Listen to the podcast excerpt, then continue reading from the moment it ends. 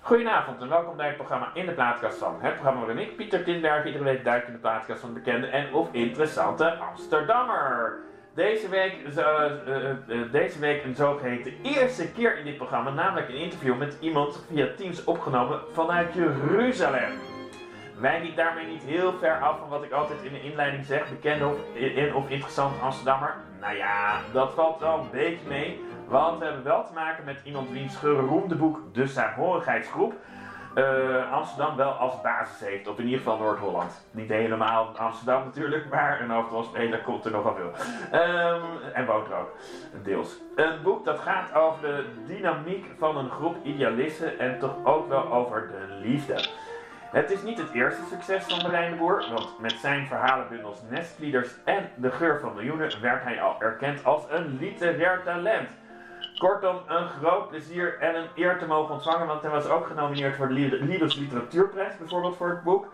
En ING, ik ben even de prijsnaam vergeten, maar hij heeft ook gewoon echt, uh, niet eens genomineerd, maar ook nog een andere prijs gewonnen. Uh, een eer te mogen ontvangen in dit programma vanuit Jeruzalem. Marijn de Boer, van harte welkom. Dankjewel. En zoals altijd uh, gaan we ook gewoon muziek doen. En laten we een, ja, je, je, je, hebt twee keer een lijst gestuurd, toen moest ik wel lachen. Eerst kwam je met een grote lijst en toch weer een hele andere grote lijst. Was het moeilijk zoeken te denken van welke vijf, zes nummers zou ik pakken? Ja, voor mij is, uh, ik ben altijd heel erg in literatuur geïnteresseerd. En uh, muziek is daardoor wel heel erg de tweede plaats voor mij. Ja. Uh, en ik merk dat ik ook heel erg ben beïnvloed altijd door, door mensen in mijn omgeving. Dus eigenlijk alle muziek die ik mooi en goed vind, die koppel ik altijd aan een vriend of mijn oude baas of uh, mijn vader. Terwijl de literatuur, dat helemaal uit mezelf, zou ik zeggen. Ah, leuk.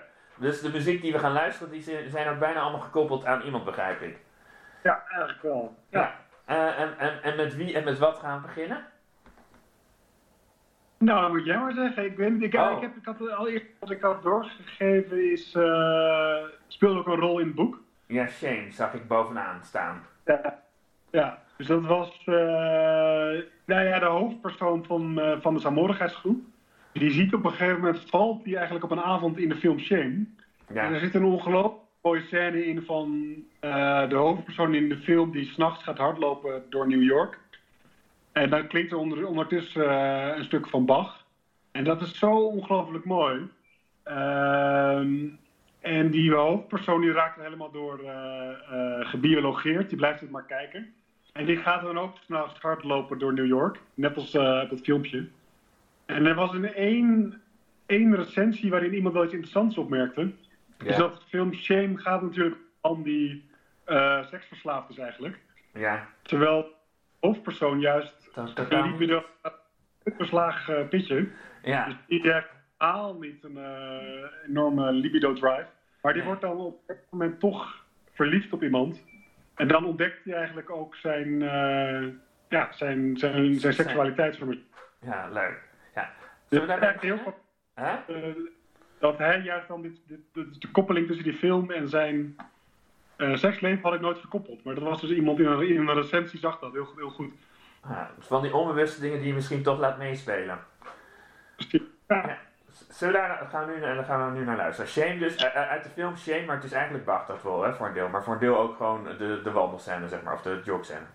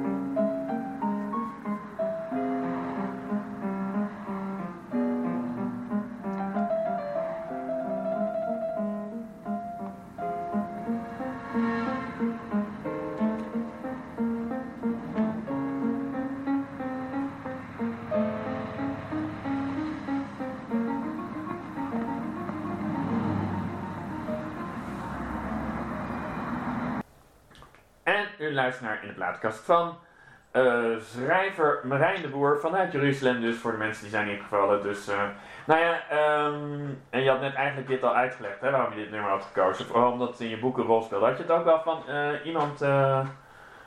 nee, zei... dat heb ik zelf ook ervaren. Dat ik gewoon televisie zat te kijken en plotseling in dit fragment viel. Um, en daardoor echt, echt schitterend vond. Dus net als die hoofdpersoon ging ik dit echt een paar dagen lang alleen maar draaien. Ik vond het zo... En nou kijken, want het beeld is dus ook heel, heel mooi. Van die hoofdpersoon door New York rent en dan wacht voor het stoplicht. En ja, het is echt, uh, echt schitterend. Ah, was het boek er toen al? Of uh, is het eigenlijk, heb je deze inspiratie halverwege het boek gebruikt? Nee, dit, dit was een beetje, een beetje het begin van het boek. En ik, ik, ik had dat dus ook gezien vlak voordat ik dit ging schrijven, zou je kunnen zeggen, denk ik. En het klopt ook wel, want mijn hoofdpersoon is, uh, het boek gaat over een groepje idealisten. Ja. De hoofdpersoon is helemaal niet zo'n idealist. Het is eigenlijk veel meer uh, ja. een S. Een, uh, zou je kunnen zeggen, iemand die ja, dingen mooi vindt of niet, maar niet per se enorm betrokken is bij de rest van de wereld. Nee. Dus bij hem past het heel erg dat hij zo gefascineerd kan raken door zo'n pianostuk. Um, en vervolgens komt hij dus te midden van allemaal Haarlemse idealisten die juist helemaal niet in kunst of muziek of literatuur geïnteresseerd zijn. En alleen maar over hoe het gaat in de derde wereld met uh, in Zaire en, uh, dat soort, en in El Salvador. In, want het speelt in de jaren 80. Ja, het, het, is een beetje jouw ouders generatie. Ja? Als ik, want jij bent van 82, dat staat gewoon overal. Ja, ja klopt. Ja. Nee, mijn ouders zaten zelf dus ook echt in een saamhorigheidsgroep. Ja, jouw ouders zaten... Om inspiratie vandaan had. Ja, nou ja, ik, ik wil het even, omdat ik het soort plicht vind, gaan, we gaan het toch heel even over Jeruzalem hebben.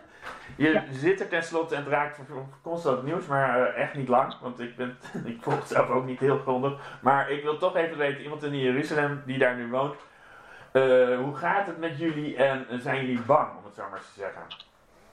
Nou ja, het was hier natuurlijk twee weken geleden, plotseling uh, sloeg het echt in de pan. En dat kwam dan vooral door de Palestijnse, uh, naar de huisuitzettingen van Palestijnse gezinnen. Ja. En dat speelt zich echt uh, twee straten van ons huis af. Dus het is allemaal heel erg dichtbij. Kennen jullie die mensen ook die uit het huis gezet werden? Nee, nee dat niet. Nee. Oh. Maar wel, ja, het, is, het is dus wel heel wonderlijk om zo dicht bij het wereldnieuws te, te wonen eigenlijk. Ja. Mm. Alleen, ik was, mijn boek was, Saamhorigheidsgroep was genomineerd voor de Librisprijs. En daarvoor ging ik toen heel even naar Nederland. Ja. Um, en op die avond van de Librisprijs, toen was er een raketaanval op, uh, op Jeruzalem. Ja. Dus ik kreeg, uh, mijn vrouw stuurde een fotootje door van de kinderen schuilend onder de tafel. Um, terwijl ik dus bij die Libris-ceremonie zat. Maar dat is echt niet waar je dan wil zijn, ondanks dat het een grote eer is, denk ik. Dan wil je bij je vrouw en kinderen zijn, of niet? Daardoor was ik helemaal niet meer nerveus voor de prijs, maar ik was eigenlijk vooral met hen bezig. Ja. Toen wilde ik vervolgens natuurlijk heel graag zo snel mogelijk terug, maar dat, uh, dat kon niet. Omdat het vliegveld Ben Gurion in Tel Aviv werd uh, dagenlang uh, aangevallen. Dus ik kon niet terugvliegen. Dus het was heel, heel stressvol. Ja, maar nou, dus in, in die zin ben je toch wel weer blij gewoon weer terug te zijn? En... Ja, dus uiteindelijk kwam ik pas een week later kwam ik terug en toen werd het enerzijds werd het hier ook echt toen wel een stuk rustiger. Ja. Uh, anderzijds merkte ik ook wel van, als je in Nederland uh, het nieuws volgt over Jeruzalem, ja, toen ik dat deed, was mijn eerste reactie, we moeten hier zo snel mogelijk weg en dat is er veel te gevaarlijk. Terwijl als we er nu weer zijn, nu ik er weer ben, dan merk ik dat het ook wel weer, gewoon het, het gewone leven ook wel weer doorgaat. Dus gek genoeg was, voelde het eigenlijk uh, onveiliger, juist in Nederland. En het ja. nieuws volgen alles uh, lezend. Nou ja, wat dat betreft uh, is er toch een gekke parallel met jouw boek. Ik bedoel, het speelt zich ook een heel klein beetje af uh, in Jeruzalem natuurlijk. Nou, een heel klein beetje, een, een hoofdstukje. Ja. Um, dat er een soort ambivalente houding ten opzichte van de grote dingen in de wereld zitten. Zowel in wat je nu beschrijft, mm -hmm. als ook in hoe de mensen van de samenhorigheid omgaan met groep, omgaan met met de wereldproblematiek? Nou ja, die, Samorgasgroep, die, die, dat zijn, die zijn eigenlijk alleen maar bezig met de, met de wereldproblematiek. En, dat, dus, van, dus dat probeer ik ook een beetje te ridiculiseren. Ja. dus als er een, net een baby is geboren, komen ze met z'n allen op kraambezoek. En dan gaat het helemaal niet over de baby of de moeder hoe ze zich voelt, maar dan gaat het eigenlijk gewoon alleen maar over Rusland en over oh nee, de Sovjet-Unie dan dus nog en uh, El Salvador en, uh, en wat er dus in de, in de, in de krant stond. Ja. Hetzelfde dan ook als er op een begrafenis. Dus dat, ja, die leden die zijn eigenlijk meer bezig met wat er overal in de wereld gebeurt dan met hun uh, gevoelsleven zou ik kunnen zeggen. Ja, uh, was dat ook het uitgangspunt? Want, want, je, want, je, zegt zelf, en ik weet dat dat een beetje een clichévraag is, in hoeverre gaat het over jou? En dan zegt altijd iedere schrijver zegt dan altijd, het is fictie, maar goed, je bent wel degelijk in die buurt opgegroeid. En je zegt ook nog dat je ouders voor een deel uh, in zo'n saamhorigheidsgevoel groep opgaan. Dus ik dacht, misschien is het een relatief biografisch boek. In de zin dat je wel die mensen... Uh, en ik was ook toevallig een vriend van mij, die zit op het Stedelijk Gymnasium. Uh, zat uh, in jouw en ik meende de, vanuit zijn verhalen meen ik de, de leerkracht te herkennen. Namelijk diegene die, die man die uh, Latijn, Latijn en Grieks schreef. Volgens mij is dat gewoon, begint hij ook met een B. Ik wil het niet hem noemen omdat hij, ik heb verder zelf nooit ontmoet. Maar de, begint, ja. is niet gebaseerd op iemand die met een B begint die Latijn en Grieks gaf in het stedelijk gymnasium. Iemand die met een B en, en geschiedenis gaf ook wel. Oh, geschiedenis. Oh, dan heb ik het van, van die vriend van mij verkeerd onthouden. Dat kan heel goed. En, en, en, en, Wat in Latijn Grieks gaf, die leek wel heel erg op hem. Dus dat zou ook, die verwarring is niet zo gek. Uh, het waren een beetje dezelfde... Nee, het was in ieder geval een man, ik bedoel, het was gewoon dat ik die herkende, dat ik daar natuurlijk ook een beetje bleef haken. Uh, die ook weer een bijzondere relatie heeft tot een, een kind van een van die. Het is, het is een van de bijrollen, hè? laten we even wel wezen. Nou ja, laat, laat, het, is, het is in die zin een heel autobiografisch boek. Omdat mijn ouders dus ook echt in een saamhorigheidsgroep zaten. En dat hele milieu, dat, ja, daar ben ik helemaal van, ja, van linkse idealisten die op de PBR stemden en uh, kernwapendemonstraties. Dat, dat is helemaal, ja, daar ben ik, kom ik zelf helemaal uit. Dat is helemaal het milieu waarin ik ben opgegroeid. Ja. Het enige is wel dat ik het, ik beschrijf de jaren die ik niet bewust heb meegemaakt. Dus het is wel heel autobiografisch. Oh, het is net daarvoor, begrijp ik net ervoor eigenlijk. Het is allemaal Ja. In die zin is het uh, ook weer niet autobiografisch. Um, maar ik heb bijvoorbeeld wel weer um, mijn contact met mijn geschiedenisleraar heb ik wel een beetje gebruikt in mijn boek. Um, in mijn boek wordt dan een hele beetje absurde scène dat hij met die geschiedenisleraar thuis uh, gaat dansen. Dat heb ik niet zo gedaan, maar ik had wel uh, een leraar waar ik dan wel eens bij thuis kwam met een vriend van mij. Ja. En dat was een hele bijzondere leraar, enorm uh, charismatisch en nou, echt gewoon een, een, leraar uit duizenden, die dus ook echt een heleboel leerlingen, bij, bij, voor een heleboel leerlingen interesse opwekte voor, voor geschiedenis. Ja. Dus dat is ook een soort eerbetoon aan hem, dat vond ik leuk om dat ja, te gebruiken. En, en, en, en het is nu ook eenmaal zo dat de eigen ervaringen uit je leven, die zijn vaak goed materiaal. Je moet ze alleen wel omwerken tot ze passen in een, fictieve, in een fictief verhaal. Ja, ja. Ja, dus... Uh, nou ja, ja dus je, ik bedoel, je, je, eigen, je eigen verleden ken je natuurlijk ook het beste, dus kan je het makkelijkste... maar ik kan me ook wel voorstellen dat je dacht, ik, ik, ik um, een soort potenties ermee hebben. Van, nou ja, afrekening is een heel zwaar woord, maar je zegt zelf dat je in zo'n saamhorigheidsgroep kwam. Ik kan me best voorstellen dat je ouders niet in alle opzichten het een lollig boek vonden. Of hebben ze echt met uh, smullend zitten lezen van, uh, oh god, dat werkt. Nou ja, nee, dus de saamhorigheidsgroep die bestaat ook echt en nog steeds. Ja. En ik ben ook wel, ook allemaal gewoon, de, ja, dat zijn allemaal de vrienden van mijn moeder. Dus die ken ik allemaal heel erg goed. En dat zijn ook mensen op wie ik heel erg mee gesteld. Ja. Dus ik dacht ook wel van, hoe ga ik dit nou doen? Want ik wil ze niet... Uh, al te zeer belachelijk maken. Maar toen ik eenmaal boek aan het schrijven was, toen ontstonden eigenlijk vanzelf personages die helemaal los stonden van de echte personen. Dus daardoor voelde ik me ook al helemaal niet meer. Had ik helemaal niet meer het gevoel dat ik over de echte mensen schreef. Want het werden gewoon andere personages. En ik heb uiteindelijk ook voor mijn gevoel met een soort van liefdevolle spot over de groep geschreven. Dus ik ben, omdat ik gesteld ben, maak ik grapjes over ze. Zoals ik ook in mijn dagelijkse leven, bij wijze van spreken, grapjes maak, juist tegen mensen die ik gesteld ben. Ja. Ehm, dus het is zeker geen afrekening, zo zie ik het helemaal niet. En helemaal aan het einde van het boek is ook eigenlijk een hele positieve draai eraan. Dat uh, die saamhorigheidsgroepleden, die, zijn eigenlijk, die trekken eigenlijk aan langs de eind, die zijn gelukkig. Ja. En die hoofdpersoon, die, die dus niet zo idealistisch is, die trekt veel de wereld rond en heeft eigenlijk alleen maar voor zijn carrière geleefd. Hij is niet echt heeft een vrouw gevonden op wie hij eigenlijk niet echt verliefd is. Komt hij weer terug in Nederland en dan ziet hij die leden van de Samorgasgroep. En ze zijn eigenlijk hartstikke gelukkig. Die hebben elkaar. Die bekommeren zich om mensen in hun omgeving. Ze, hebben, ze besteden veel tijd aan hun gezin. Ze fietsen veel door de natuur. Dus dan ziet hij eigenlijk in dat hij, die dus altijd die, die groep een beetje gespot heeft, dat hij eigenlijk veel minder gelukkig geworden is dan die leden. Terwijl je op papier een geweldige carrière heeft in zekere zin. Ja, ja, precies. Ja, maar... een leeg leven. Ja. Zullen we even naar muziek gaan? Welke, uh, jij mag het zeggen, of ik wil het ook voor je kiezen hoor, jij wil. Ja, ik, vond het wel geestig om een klein fragment, doe ik niet helemaal hoor, van uh, de El zat in de Olmen te doen. Omdat dat in mijn boek Burning Gerk is dat die groep eigenlijk steeds dat, dat lied zingt in kanon. Dus als ze aan het wandelen zijn of aan het fietsen zijn. Of ook als het enorm regent, ze, ze wandelen gewoon door alsof er niks aan de hand is. Dus ik vond dat heel. Uh, het is een heel.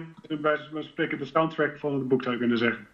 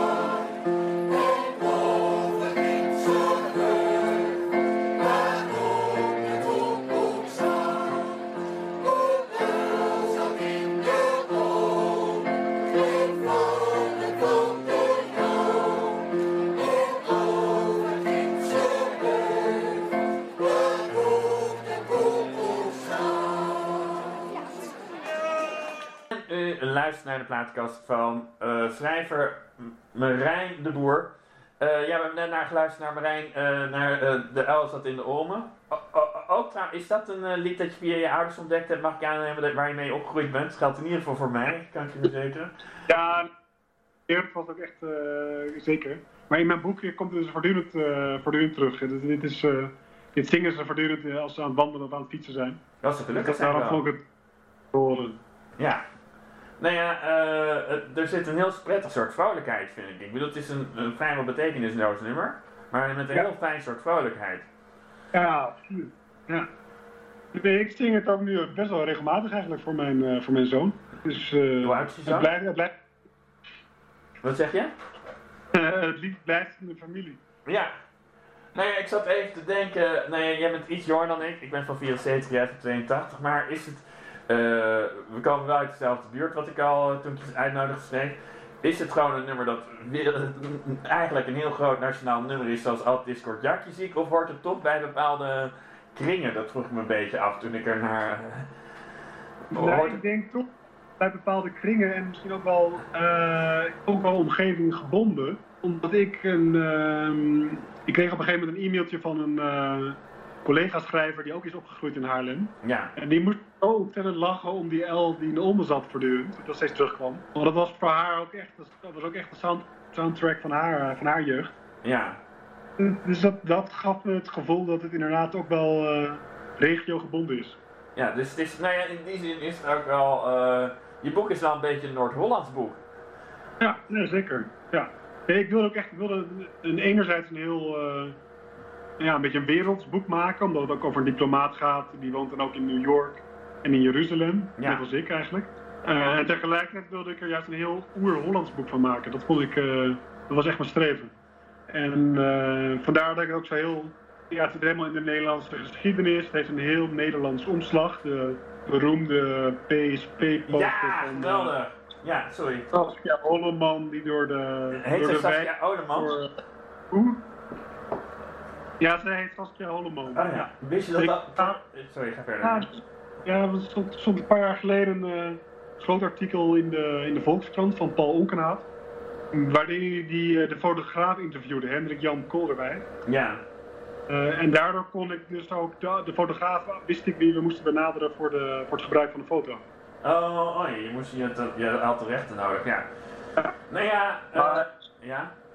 Nou ja, dat beeld was voor mij altijd het beeld wat ik wilde gebruiken voor, uh, voor mijn boek. Omdat het helemaal dat hele vrije en dat hele linkse meteen oproept. Ja. Dus dat is precies de, de types die ook in de saamhorigheidsgroep zitten. Ja, even voor de mensen die het niet weten, zoek PSP op uh, jaren 70 en je ziet de poster voor je. Ja. Die vrouw die uh, naakt en wel tussen de koeien staat, hè? Ja. Ja, nou ja, want inderdaad, ik, uh, ik dacht wel terwijl ik het boek ik dacht, ik dacht heel veel dingen uiteraard toen ik het boek las.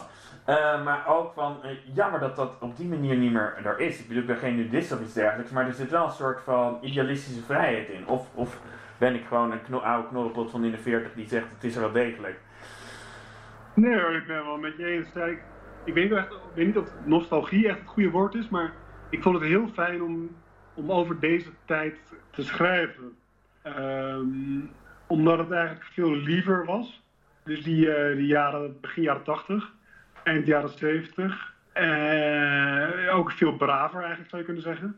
Maar ook veel linkser. Dus nu is het allemaal zo extreem uh, individualistisch. En al die kabinetten die we eigenlijk hebben gehad. Ja. Die, die periode die ik beschrijf eigenlijk echt iets van vroeger geworden is.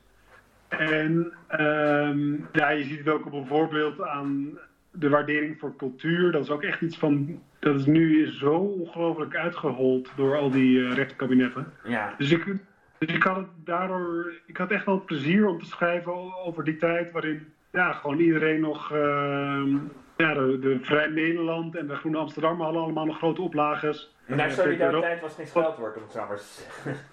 Wat zeg je? Solidariteit was geen scheldwoord. Nee, nee. Dus het was, ja, het was een hele fijne, mooie tijd eigenlijk. In die zin, nou ja, goed, je kunt het natuurlijk weer verheerlijken. Ja. Uh, maar ik had er plezier in om het over die tijd uh, te schrijven. Nou ja, het is ook voor, je zegt zelf, het is ook voor een deel tijd die je niet eens hebt meegemaakt. Het is um, uh, bijna nostalgie naar iets van, van je ouders jonge jeugd, als ik nu erover nadenk. Nee, klopt. Ja. Nee, maar het was ook hartstikke leuk om een beetje onderzoek te doen naar ja, wat er. Dus ik moest natuurlijk wel kranten uit die tijd lezen. Ja. Moest even kijken hoe, dat, hoe, hoe ook alweer zat met uh, uh, de Walkman, wat dat soort dingen, wanneer die precies begon. wanneer films in de YouTube. Dus dat was ook wel leuk om te doen. Nee, begon je daar echt mee? Ik bedoel, je, je, je denkt op een gegeven moment, ik wil een boek schrijven. Ik wil, je, je hebt voor jezelf duidelijk vastgesteld dat je een schrijver bent. Dus je gaat een boek schrijven. Was het inderdaad ongeveer van, ik ga over die tijd met ongeveer die personages? Of, um... Nou ja, ik wilde dus heel graag al heel lang over die saamhorigheidsgroep schrijven. Ja. Ik merkte dat ik aan mensen vertelde in het café, bij spreken, over die groep. Dat, dat ik al meteen allemaal leuke anekdotes had en dat mensen daar heel uh, ja, geïnteresseerd op reageerden. Dus ik dacht altijd, dat is heel goed materiaal.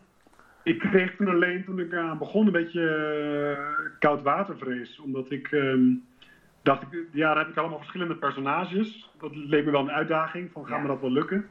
Um, ik vond het ook wel moeilijk omdat het dan in een andere tijd speelde. Dus dan was ik bang dat ik heel erg veel research zou moeten doen. En toen uiteindelijk ben ik gewoon maar begonnen en heb ik de research meer schrijven naar wijs gedaan. En dat ging eigenlijk heel, heel goed en makkelijk.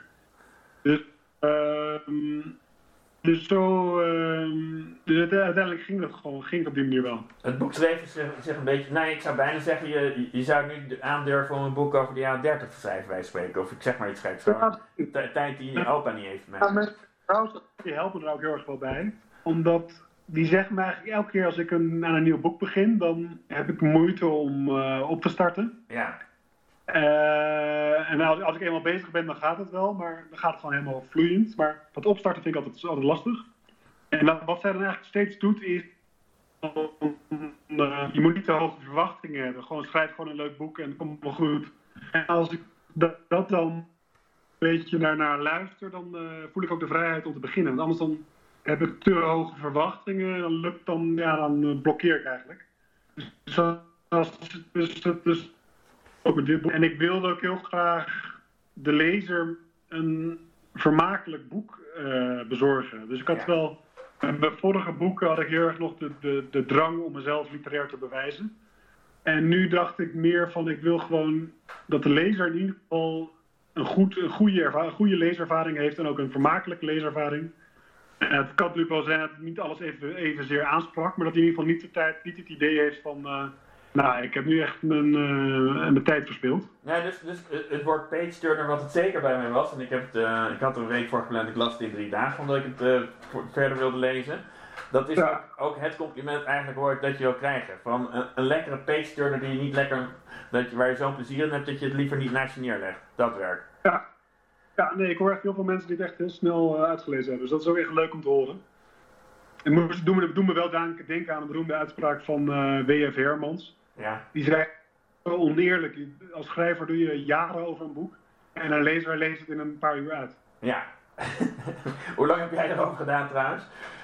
Uh, nou, twee jaar in totaal. Ah, maar dat komt ook omdat uh, ja, onze zoon werd geboren. Ja. Dus dat leidde ook nogal af. En toen, uh, ja, na, na het zwangerschapsverlof van mijn vrouw, heb ik dan nog een paar maanden voor hem gezorgd. Er waren omstandigheden thuis, zou ik maar zeggen. Ah, oh ja, ja, ja, maar goed, ik, ik denk dan wel als ik Hermans hoor, uh, als je alle lezers bij elkaar optelt, dan doen ze er toch nog steeds langer over dan dat jij erover hebt gedaan om te schrijven. in, in, in, dit geval zeker uh, bij jou. Ik bedoel, het is niet dat je twintig boeken boek hebt verkocht, veel meer. Uh, dus wat dat betreft, maar goed, dat terzijde. zullen we weer even muziek doen? Dan gaan we maar weer verder praten. Wat, wat zullen we pakken? Ja, zeg jij maar, kies jij maar uit. Uh, even kijken, ja, Bach hadden we al gepakt, hè. Daar was natuurlijk, uh, ja. even kijken. Ja, uh, Scarlatti, zullen we dat doen? Of, ja, of van Jeroen Willems, dat vind ik eigenlijk wel leuk. Zeg het maar, jij mag kiezen tussen die twee. Nee, Jeroen Willems. Ja, wat, wat van Jeroen Willems en wie is de inspiratie van wat je zei in het begin van het gesprek van de meeste Nou, ik dit, dit toch wel meer gewoon zelf een keer heb gezien. Oh. Dat zo... Ja. En waarom? Nou ja, het is, het is ook als je die. Uh, er is ook op YouTube staat ook een uh, ja? beeld van. Als je Willems ziet zingen, dat maakt het nog veel mooier. Ja. Uh, nee, is echt schitterend. Oké, okay, dan gaan we nu naar luisteren. Welk nummer van. Uh... Jojo is het. Jojo. Hier is voor de pret wat te drinken en te roken. Wie wil er nu naar bed? We gaan wat onrust stoken voordat het ochtend wordt. Zo, zo. Ik hoor je stem die brult een lied van overzee. Bretagne gaf het aan je mee, een dorp in slaap gehuld, verdronken in de mist. Al lig je diep, zo, zo, je lied wordt gehoord. Al lig je diep, je leeft nog voort. Zo, zo. Wij knokken deze nacht als elke nacht tevoren. Jij rijdt het land weer door, ik bespeel een volle bak. Dit graf is het decor. Zo, zo. Wij liggen hier te praten van jeugd die plots voorbij was. Wij weten al te goed, een mens wil slapend leven en meten met twee maten. Al lig je diep, zo zo, je hoop wordt gehoord. Al lig je diep, je leeft nog voort. Zo. Jij brengt met gulle lach het nieuws van gene zijde. Nu ben jij dood en niet zo'n kloot die alles mag. Zo'n zak, zo'n tyfusleider. Zo. De bloemen die ik vrees, mijn handen die weer trillen. Ik weet, jij ligt te rillen, schaampje voor mijn grillen, mijn lijstje met clichés.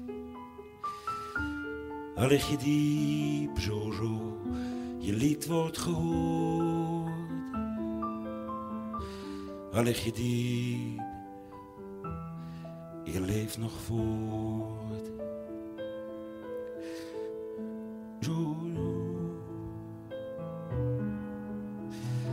Dag brengt nieuwe zaken, ik moet wat vrienden spreken. Ze dronken zich haast dood, hun hart was veel te groot, ze konden het niet maken. Zo, zo. Ik ben compleet verweest, ik leef in onze dromen.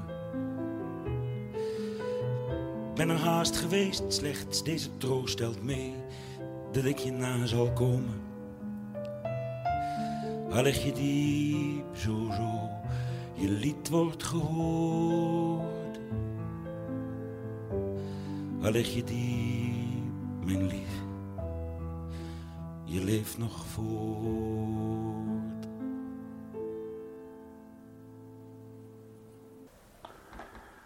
En u luistert naar de plaatkast van schrijver Marijn de Boer. Ja, stil nummer. Ja. Hoe heb jij het ontdekt? Dat weet ik eigenlijk niet meer. Maar ik weet wel, als je zoiets luistert, dan denk ik dan... eh, ja... Ik bedoel, het gaat in het leven natuurlijk vooral om, om, om, eh, om vrienden en familie, zullen we maar zeggen. Maar eh, ook om, als je zo'n mooi lied hoort, dan gaat het volgens mij ook alleen maar over mooie muziek of een mooi boek of mooie schilderij of iets dergelijks. Dat zijn... Nee, dat, dat, dat vanuit, ja, nou, zo- vanuit die opmerking, de clichévraag, op wie lijkt jij dan het meest in het boek? Dat vroegen wij ons trouwens, ik heb mijn geliefde eh, eh, verwezen naar het boek, dit moet jij lezen. dus wij gingen Ja. ook natuurlijk allemaal even kijken van, op wie lijken wij dan het meest? En ook in vergaderingsverband en zo. Ehm, En dat eh, ja, ik kwam op Felix terecht, geloof ik. Ja, ja, ja. dus... Ik heb mezelf denk ik ook het meest in, in, in Felix kunnen stoppen. Is misschien ook wel de makkelijkste persoon om, om daar, daarvan te zeggen. maar Ja, ja. Ja, het is, het is, ik heb ook wel een sympathiek personage van gemaakt. Ehm, maar het, wat ook wel, het is ook wel een... een, hij is ook, hij is ook- net als ik is hij ook huisman, zullen we zeggen. Dus hij ja. eh, verft zichzelf een beetje weg voor, de, voor zijn vrouw en kinderen. Eh, ja, in mijn geval komt het dan wel samen dat ik door dat te zijn, door met mijn vrouw mee te zijn naar het buitenland, dat ik ook wel eh, de tijd heb om eh, te schrijven, dus te wijden aan literatuur. ja. Dus het is in die dat ik eh, is het niet zoals bij hem dat ik mezelf wegcijfer, maar is het meer dat ik ook profiteer van de mogelijkheden die ik ervan krijg. Ja, en, en laten we even wel wezen, het is jouw boeken verkopen. Dus in die zin, het is niet helemaal voor vier mensen, zou ik maar zeggen. Nee.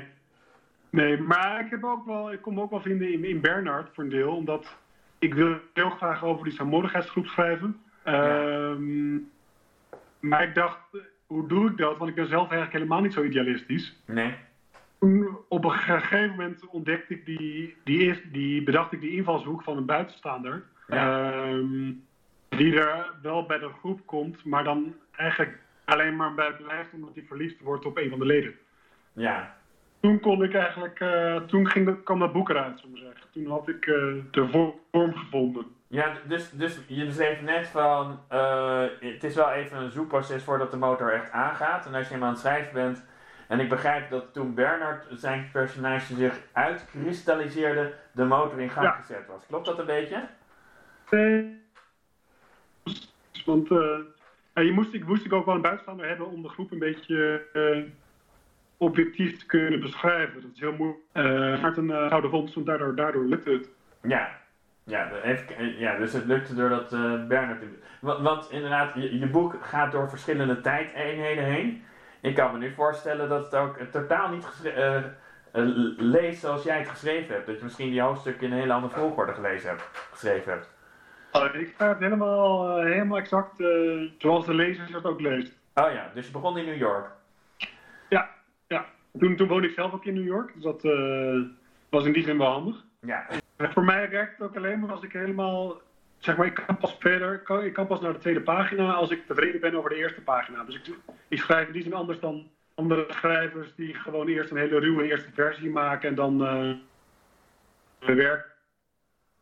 Maar verder als ik tevreden ben met wat ik tot dan geschreven heb. Ja, oh ja dus in die zin uh, hoor ik ook iemand, want ik zat ook te denken, er komen vrij veel mensen in voor. Heb je ook mensen met heel veel tegenzin moeten af, af uh, eruit moeten halen, moeten deleten? Of, uh, viel dat wel mee? Of ja. Nee? Hè? Ja, ook wel. Ik ben, in het begin dacht ik, ik schrijf gewoon, begin gewoon een heleboel verhaallijnen en kijken wel uh, hoeveel er overblijven. En toen op een gegeven moment merkte ik van dit wordt een beetje te veel. Dus toen moest ik in het personages gaan schrappen, te veel afleiden eigenlijk. Um, dus, dus dat klopt wel, ja. Wie, wie, wie, wie, wat is het ergste personage dat je hebt moeten deleten? Mm. Uh, nee, het was juist, het juist helemaal het is juist meer dat het wel een beetje saai waren, snap je? Dus dan was het juist niet zo. Uh, maar ik, ik had bijvoorbeeld wel heel veel, heel veel lol in, die, in het beschrijven van die Ralf. Dat is dus eigenlijk de enige die er een beetje negatief uh, in overkomt, wat hij een beetje een ass kunt maar ik had wel lol om hem, uh, om hem te port portretteren. Nou, je hebt ook een beetje een rauw verhaal, vond ik. Uh, Brian, die uh, autodealer. Nou ja, dat, dat, daar, dat, dat vond ik, daar heb ik ook nog overwogen om daar meer mee te doen. Ja. Ik heb uiteindelijk niet gaan doen. Ik dacht, dan wordt het... Dus ik had eigenlijk bedacht van... Dus een van de vrouwen van een van de leden heeft een relatie met een beetje een uh, ja, patjeperige uh, man uit sport eigenlijk. Ja, een foute zandvoort, dus, zullen even zeggen voor mensen die uit de steek komen. Ja. En toen dacht ik van ik laat hem misschien wel infiltreren in de groep en dan de boel belazeren. Maar toen dacht ik, nou dat wordt eigenlijk een beetje te flauw. En mijn redacteur zei van dat gaat te veel afleiden. Als je... Ja, nou ja, je, hebt hem, je hebt hem wel erin gelaten. Ja, ik vond het wel een verfrissend, uh, verfrissende verhaallijn. Want anders heb je eigenlijk alleen maar de verhaallijnen over de groep. Ja. Je, een paar keer komt er een beetje lucht in het verhaal dat je even uit die groep gaat. Anders wordt het wel heel erg. Het heeft al een beetje een sectarisch ge, gehalte, die groep. Ja. Dus je hebt af en toe een klein uh, paar hoofdstukken over de Douwe, een van de zoons van de ja, leden. Dus met wie je leraar gaat. Ja. Dat was een, zullen zeggen, uitstapje. En ja, Annelies, die dus een uh, buitenechtelijke affaire heeft met, uh, met die Brian. Dat, dat, dat dan de, ja, de functie voor mij is dat het een beetje lucht geeft aan het uh, verder een beetje gesloten verhaal van die groep. Ah ja. Die goed ook wel weer de affaire van, de, van Bernard en Lisa. Dus dat is eigenlijk wel verhaallijn van het boek. Ja. Dus Bernard verliefd op een van die leden. En dan eigenlijk vooral via haar stem. Dus hij vindt haar niet. Maar hij wordt door haar, haar stem echt volkomen uh, betoverd, zou je kunnen zeggen. Ja. En, en, vervolgens ook verliefd op haar, gewoon helemaal wie ze is. Um, Deed me een beetje denken aan de aanslag, die film. Waarbij ook die stemmen. Uh, zo, ik weet niet of je die film gezien hebt. Uh, nou, ik heb wel gedacht bij het boek. Ik ben benieuwd hoe jij dat. Wat jij nu zegt, weet ik even niet. Oké. Okay. Maar goed, hoe dan ook. Wat ik heb... Ja? Dus dan loopt, uh, loopt de hoofdpersoon in die anti-kernwapendemonstratie. Oh ja, ja. En dat zit heel erg in de aanslag. Ja, nee, ik, ik dacht aan ehm, maar, uh, toevallig die, de hoofdpersonage in de aanslag hoort de stem van die verzetstrijdster. En vervolgens wordt hij verliefd op de vrouw, gaat er zelfs mee trouwen met dezelfde stem. Monique van der Ven in veel. Ja, het zegt. Nee, dat had ik helemaal niet, uh, die link had ik helemaal niet gelegd. Maar nu het zegt, ja. Nee, het, het, is wel leuk in die zin dat je, ik zat ook na te denken, in hoeverre kan je verliefd worden op een stem? Dat is een heel, dat is een bijdetail, maar het is wel een belangrijk detail ook in jouw boek. Ja, nou ja, het, het is, uh, het kan volgens mij wel. Ik heb zelf ook al een keer gehoord dat ik iemand, dat, dat een vrouw, ja, ik hoorde haar praten en ik, was daar zo door uh, gegrepen, zou je kunnen zeggen. Uh, dus ja, volgens mij kan het wel. En dat, ik, voor mij vond het in ieder geval een, een wat interessantere invalshoek dan gewoon een man die een vrouw ziet en dan denkt, hé, hey, ik, ik, ben verliefd op je. Dus ik, zocht altijd, ik zoek altijd wel dan naar een manier om het wat interessanter te maken. Zo'n die vonk die overslaat op een, ja, op een wat interessantere manier dan zomaar zeggen van hij vindt haar leuk en dat is het dan. Ja, leuk. Zullen we, uh, heb je toevallig een leuke stem in jij, aan je muziek die je gekozen hebt? nee, van Mick Jagger altijd wel goed. Dus die kunnen we, kunnen we doen. Oké, gaan we Mick Jagger pakken.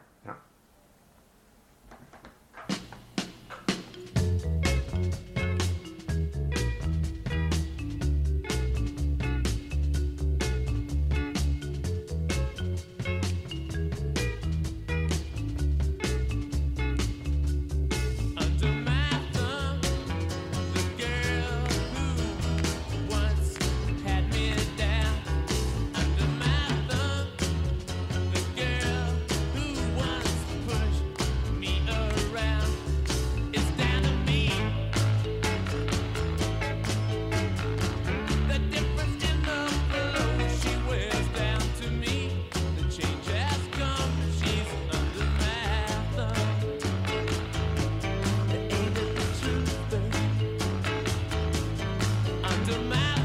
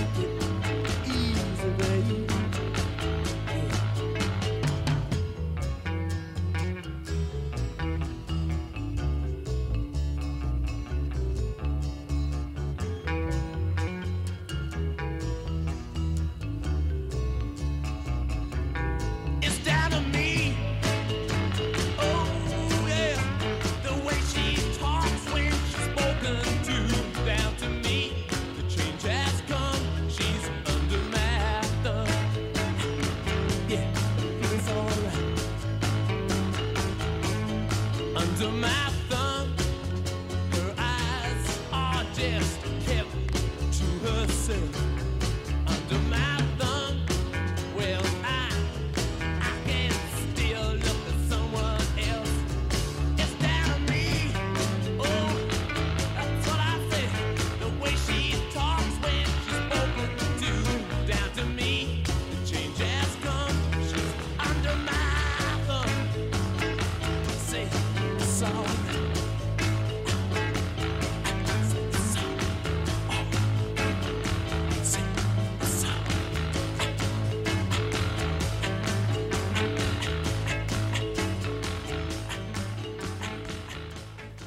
luistert naar de plaatkast van schrijver Marijn de Boer. Um, ja, eh, als je nou, uh, je, bent, je schrijft natuurlijk al een jaar of zes, zeven, nee, hoe lang schrijf je nu in feite al dat je zelf schrijver noemt, zeg maar? Nou, dat ik zelf, mezelf schrijver noem, dat, dat is iets korter. Omdat uh, ik werkte lang als redacteur voor uitgeverij van Oorschot. Ja. En toen ben ik uh, op een gegeven moment ook zelf gaan schrijven. Ehm, maar toen heb ik dus wel heel lang nog schrijver en redacteur, uh, noemde ik me altijd. Maar ik was toch in de eerste plaats redacteur voor mijn gevoel. En in de loop der jaren is, is, is het eigenlijk een beetje boven naar dat ik eerst schrijver ben gaan worden. En sinds ik dus mee ben met mijn vrouw naar het buitenland en zo niet meer als redacteur werk, uh, ben ik wel gewoon fulltime schrijver. Ja, nou ja, want uh, als schrijver-redacteur dan als schrijver heb je nu vier boeken geloof ik geschreven, hè, als ik op je website zag. vijf. Vijf, ja. Ja. Als je met een helikopterblik naar jezelf kijkt, hoe zie je dan samenhorigheidsgevoel binnen het, de samenhorigheidsgroep, je laatste boek dus, binnen het geheel? Nou ja, wat ik eerder al zei, van ik was in die eerste boeken was ik heel erg bezig om mezelf te bewijzen, literair gezien. Ja. Dus hield ik eigenlijk totaal niet rekening met de lezer. Um, en had ik, juist, had ik er zelfs een beetje lol in om de lezer af en toe een beetje te, te ontregelen, met de verwachtingen te spelen. En nu wilde ik gewoon de lezer juist een heel fijn boek bieden. Dus dat is echt wel een verandering die ik zelf uh, heb ondergaan, zou je kunnen zeggen. Dienstbaarder bijna gemaakt. Nou ja, meer realiseren van um, als je een boek schrijft, dan doe je dat. Uh, ja, ik doe het voor mezelf, want ik. Ja, ik. ik, ik, ik uh, het, het, is, het, is, het is een zelfexpressie. Ja. Maar het is ook ambacht. Ik wil zo, zo, zo goed mogelijk een boek schrijven. En ik wil ook zorgen dat de lezer die 20 euro aan een boek uitgeeft, daar dan ook plezier aan heeft. Terwijl ik dus vroeger vooral echt dacht van, uh, ja, lezers maakt me niet uit. Ik wil gewoon goede recensies en ik wil dat mensen zien dat ik goed ben hierin. Um, ja, zo, zo zie ik het in nu. Ja, het klinkt ook een beetje als een, gewoon een, een ontwikkeling, een, een klassieke ontwikkeling van hoe je je in je leven ontwikkelt. De puber is eruit en nu is gewoon... Uh... Ja. Ja. Ja. Nou ja, en misschien ook wel dat je, want ik zie ook wel, de meeste schrijvers hebben met hun eerste of tweede boek heel erg nog de, ja, alle eigen preoccupaties en gekkigheden en eigenaardigheden. Die moet, die moet die, de wil schrijver allemaal in zijn boeken stoppen. Ja. Dat heb ik denk ik ook wel gedaan met mijn eerste verhalenbundel en mijn eerste uh, roman. En dat, dat er, komt er daarna komt er dan eigenlijk meer ruimte en vrijheid voor andere dingen. Dus dat is eigenlijk, als je eerst maar gewoon even die, uh, ja, dat wat je echt op je lever hebt, zullen we zeggen, wat, wat er even uit moet, dat is er dan op een gegeven moment uit. En dan sta je daarna er wat uh, losser in, lijkt het wel. Oh ja, dus in die zin heb je een, uh, een relatief vrij gevoel ook gehad over het schrijven van dit boek, begrijp ik. Nou ja, ja, ik heb ook, dit is ook wel een andere ontwikkeling die ik heb doorgemaakt. Is dat ik uh, een tijdje geleden vroeg een vriend van mij: zie jij jezelf als een ongelukkige schrijver, zoals Reven en Jeroen Brouwers, die echt ja, het kunstenaarschap romantiseerden, zullen we maar zeggen? Of als een gelukkige schrijver, zoals Maarten het Hart en Harry Mulisch, die altijd zeiden dat ze gewoon plezier hebben in het schrijven. Ja. En realiseerde ik mij dat ik vroeger een ongelukkige schrijver was. Dus heel erg veel piekerde over zinnen. Talent en alleen maar daarmee. Ja, talent om te durven leiden, zeg maar, dat werk. Ja, ik werd ook een beetje depressief van en zo. Ja. Uh, maar toen heb ik door een hele prozaïsche reden heb ik me eigenlijk tot een gelukkige schrijver gemaakt. Oh ja. En dat is namelijk door zelf alleen maar toe te staan om 's ochtends te schrijven. Oh. Dus gewoon 's ochtends als je gewoon helder bent en uh, uh, goed gehumeurd en energie dan gaat het schrijven ook gewoon goed. Terwijl als ik dan s'avonds later weer naar ga kijken en een beetje begin te piekeren en zo, ja, dan ben ik helemaal niet meer productief en dan ga ik er ook een beetje onder, onder lijden. Dus ik, ik, ik mag van mezelf nu eigenlijk alleen maar 's ochtends uh, schrijven en ik word er, ja, word er blijer van. Ik heb meer plezier in het schrijven ervan uh, en, het, en ik ben ook veel productiever. Ah ja, ah, ja, ja, wat grappig, ja. Dus, uh, en dan uh, en de rest van de dag ben je een soort Felix die lekker voor zijn kinderen zorgt. En. Dan heb ik ook gedwongen, word ik dan een beetje uit mijn hoofd gehaald. Ja. en zo, dit is ook wel een schrijverstip van, van Hemingway. Namelijk van, ja, je moet er gewoon op vertrouwen dat je onbewust toch wel bezig blijft met het boek. Ja. Dus je hoeft er niet bewust bij stil te staan. Ja, grappig. Dus uh, een, een ochtendschrijver klinkt bijna als een boektitel. Ja. ja. um, Nou ja, want we naderen bijna het einde van de uitzending. Zit je nu, ik krijg een beetje indruk dat je nu nog een beetje in de zoekfase zit. Aan de andere kant maak je wel vrolijk. Het is, het is ook ochtend, want we hebben dit trouwens om tien uur zoals opgenomen. Ik dacht misschien is het uh, ook een uh, ochtendinterviews ook op het algemeen wat vrolijker wellicht. Maar, uh, oh nee, bij jou is het dan 11 uur omdat je nu wel zit. Um, ja. Ben je nu nog in de fase voor een nieuwe boek dat je de motor nog moet zien te vinden? Of is het, ja. heb, je, heb je Bernard al gevonden? Vroege opstartfase heel ellendig eigenlijk, vind ik wel. maar ik wel dat als ik er helemaal uit ben en gewoon, uh, zullen we maar zeggen, tien pagina's onderweg ben en weet dat het wel goed komt, dat ik het dan weer gewoon lekker ga schrijven en uh, ja, dat ik dan wel in die flow zit. Maar nu ben ik nog even aan het, een beetje aan het borstelen. Ja, maar nee, heeft dit boekje ook wel nog meer dan de vorige boeken misschien geleerd? Je, het, het lukt wel. Dat je in die zin nu iets gelukkiger bent dan in dezelfde fase bij de vorige boeken. Wat het ja, schrijven betreft kun wel vertrouwen dat het wel goed komt. Uh, dat is wel een goed punt, ja. En, nee, en ik zat ook te denken van, uh, je hebt nu geschreven om de, om, de, om de lezer, je hebt gewoon de rekening gehouden met de lezer, waar natuurlijk helemaal niets mis mee is. Uh, Ga je inderdaad weer lekker verdiepen in een onderwerp en dan ook, ook weer dat als uitgangspunt nemen van, hey, wellicht inderdaad in de jaren 40 of een heel ander tijdsbeeld, echt gewoon, dat weet je dan. Nou, dus nu een beetje nog over aan het nadenken eigenlijk. Ehm, maar ik wil in ieder geval wel weer ja, goed nadenken hoe ik die lezer geboeid kan houden. En uh, ja, gewoon een prettige leeservaring kan bieden.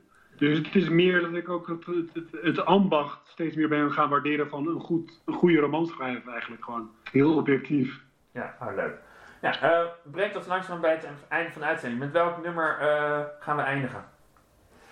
Nou, ik dacht aan Victor D. mee. Die heb ik, uh, als goed is, ook doorgegeven. En dat ben ik eigenlijk door mijn vrouw, ik door mijn vrouw erg opgelezen. Dus dat is een, volgens mij heet dat een beetje, heet dat Desert Blues of Desert, ja, Desert Blues heet het geloof ik. Ja. Maar ik vind het ongelooflijk mooie muziek, dus ik luister het heel graag. Niet natuurlijk nadat je heel erg hebt bedankt voor je komst. En aan te kondigen dat uh, volgende week trouwens alweer te gast is cabaretière Lisa Louet. Maar nu gaan we dus luisteren naar John Maya van Victor de Meijer. Ja. ja. Oh ja, sorry, moet ik ook nog even zeggen. Mensen die meer willen weten, kunnen je gewoon googlen. Marijn de Boer en dan vind je alles eigenlijk over hem. Dus als je meer informatie wil hebben, kan je op die manier alles vinden. Maar nu is ja. De Meijer. Graag gedaan.